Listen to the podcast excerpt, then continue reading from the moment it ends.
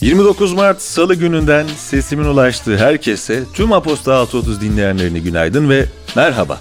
Ben Yakup, beni her nerede dinliyorsanız, otobüste, evde, arabada, sokakta, yolda, mutfakta, salonda. Her nerede nasıl dinliyorsanız sesimin size iyi bir zamanda ulaştığını umuyorum. Gününüzün güzel ve dilediğiniz gibi geçmesi dileğiyle.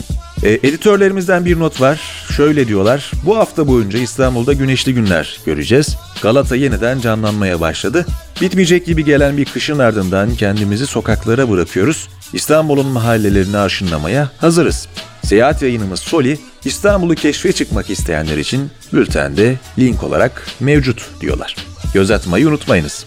Bugünün bülteni ise Vodafone Türkiye destekleriyle ulaşıyor. Sürdürülebilir bir büyümenin ve toplumsal dönüşümün ancak kadınların iş ve sosyal hayatta güçlü bir şekilde var olmasıyla mümkün olabileceğine inanan Vodafone Türkiye, Türkiye'ye teknolojide uzman insanın, ekonomiye de kadınların kazandırılması için çalışıyor çeşitlilik, dahiliyet ve kapsayıcılık konularını gözeten bir kurum kültürü oluşturuyor. Pareto'nun Vodafone Türkiye CEO'su Engin Aksoy'la şirketlerin çeşitlilik ve dahiliyet politikaları ve teknoloji sektöründe kadın istihdamı üzerine yaptığı söyleşinin çıktıları da bugünün bülteninde sizlerle buluşuyor.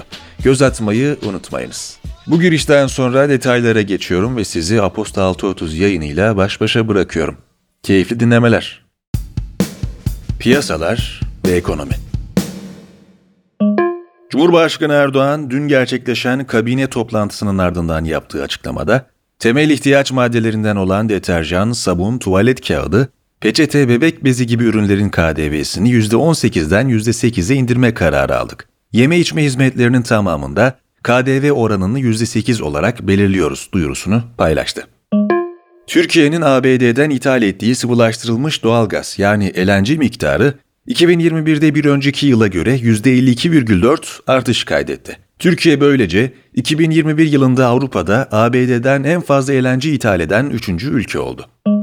G7 Enerji Bakanları, Rusya Devlet Başkanı Vladimir Putin'in Rusya'nın doğal gaz ödemelerinde ruble kullanmayı planladığına yönelik ifadeleri için tek taraflı alınmış karar değerlendirmesi yaptı.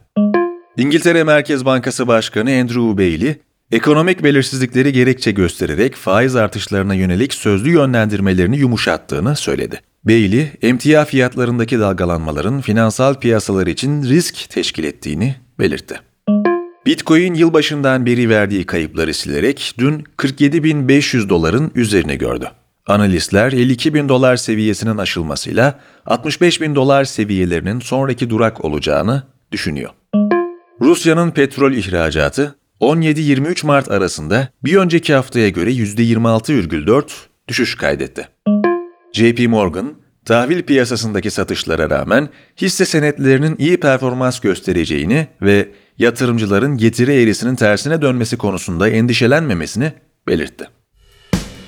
İş dünyası ve teknoloji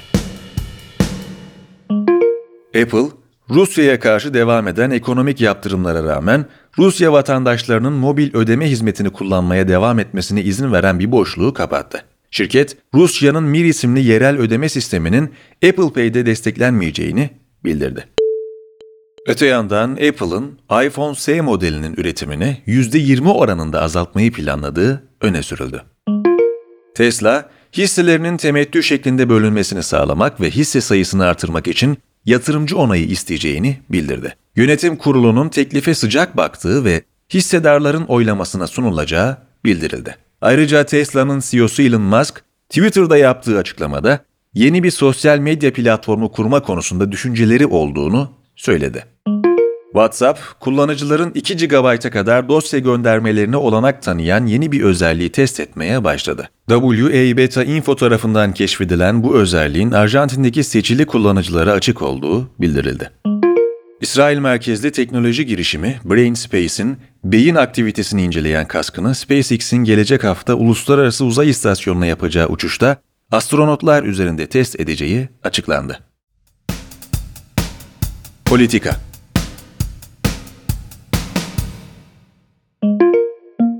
Rusya ve Ukrayna arasında İstanbul'da yapılacak ateşkes görüşmelerinin bugün başlayacağı açıklandı. Ukrayna Devlet Başkanı Volodymyr Zelenski, ülkesinin Rusya ile olası bir barış anlaşmasının parçası olarak tarafsızlık ilkesini müzakere etmeye hazır olduğunu Ancak bunun üçüncü taraflar tarafından garanti edilmesi ve referanduma sunulması gerektiğini söyledi.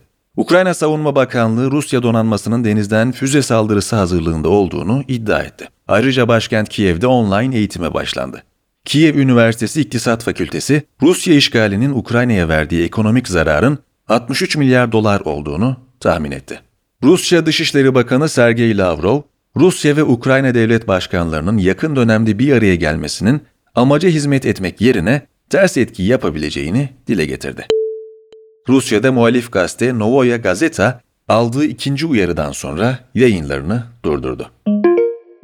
Polonya'nın 25 Mart'ta istenmeyen kişi ilan ettiği 45 Rusya diplomatı ülkeden sınır dışı edildi. Kuzey Makedonya 5 Rusya diplomatını istenmeyen kişi ilan etti.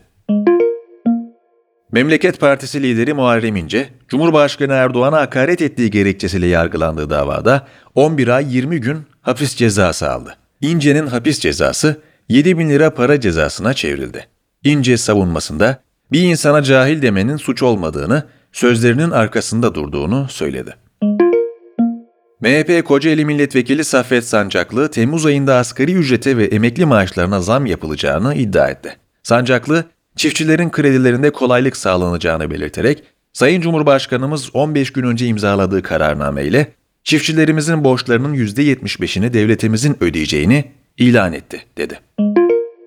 Adnan Oktar davasının 68 sanığının tahliye edilmesine başsavcılık itirazda bulundu.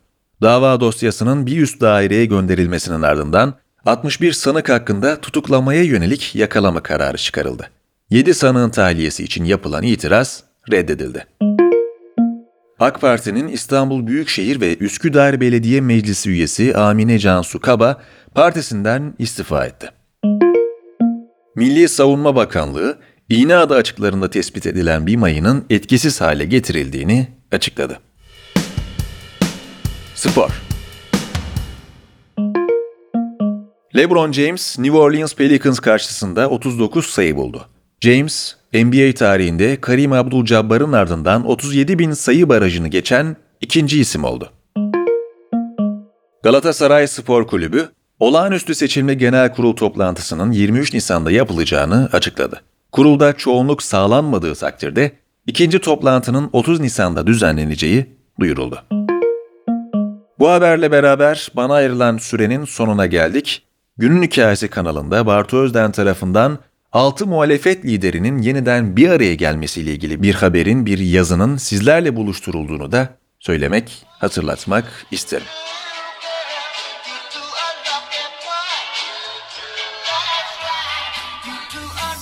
29 Mart Salı gününün Aposta 6.30 yayınını dinlediniz. Ben Yakup. Dilim döndüğünce detayları sizlerle paylaşmaya çalıştım. Bu hafta Perşembe günü yeniden görüşünceye dek kendinize iyi bakın. Sağlığınızı ihmal etmeyin lütfen. Görüşmek üzere. Hoşçakalın.